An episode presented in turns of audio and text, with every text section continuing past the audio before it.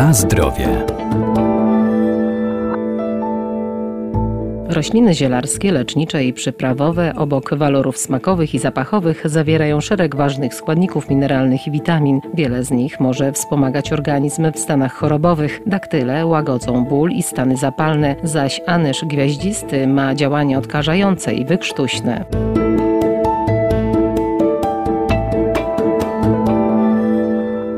Tamaryndowiec, inaczej daktyl indyjski, to wiecznie zielone drzewo. Owoce tej egzotycznej rośliny stanowią znakomity dodatek do różnego rodzaju potraw, zup czy ostrych korzennych sosów, a także do ryżu. Ta ceniona przyprawa azjatycka ma też właściwości lecznicze. Zawarte w daktylach antyoksydanty wzmacniają organizm i chronią przed wieloma schorzeniami. Daktyle są znanymi i bardzo lubianymi owocami, natomiast pewnością mniej znany jest daktyl indyjski. Profesor Renata Nurzyńska-Wierdak, Uniwersytet Przyrodniczy w Lublinie. Jest to druga nazwa tamaryndowca indyjskiego, rośliny, która pochodzi ze wschodniej Afryki i południowej Azji. Stronki tamaryndowca, zwane daktylami indyjskimi, zbierane są przed dojrzeniem lub gdy są w pełni dojrzałe.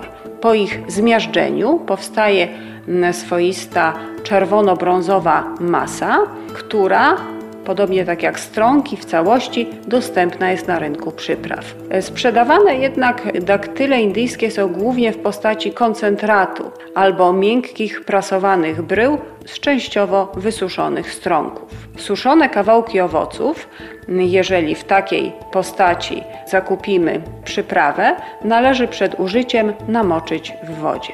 Owoce tamaryndowca używane są do produkcji różnych mieszanek przyprawowych, a także gotowych sosów. Jest to bardzo popularna i ceniona przyprawa azjatycka. Stąd też i w kuchni azjatyckiej, która powoli coraz szerzej rozpowszechnia się w Europie, także daktyl indyjski ma swoje miejsce. Owoce tamaryndowca nie tylko e, stosowane są w celach przyprawowych, działają także korzystnie na organizm człowieka. Łagodnie przeczyszczająco stosowane są w Indiach jako lek przeciw dyzynterii, jako środek witaminizujący, a także w schorzeniach wątroby i nerek. Na zdrowie.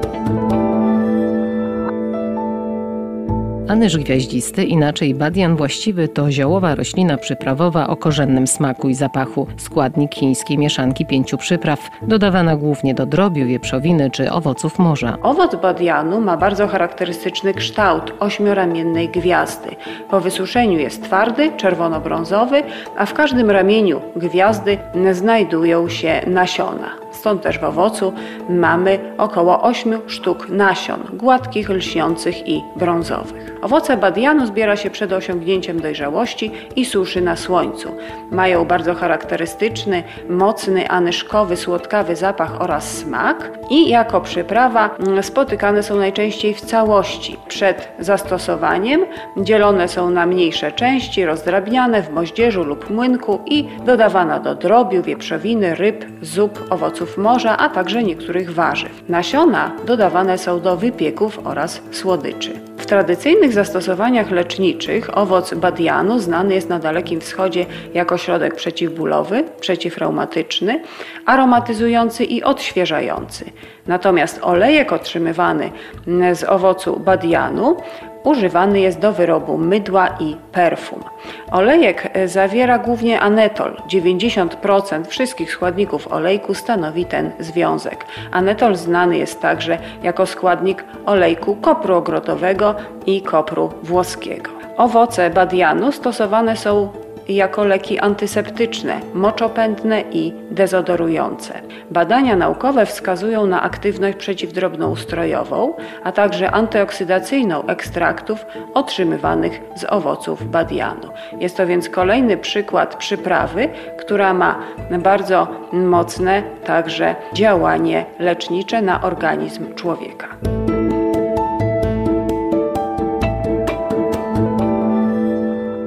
Warto więc sięgać po ziołowe przyprawy, ale pamiętajmy, by miały dobroczynne działanie na organizm człowieka, należy stosować je w niewielkich ilościach. Na zdrowie.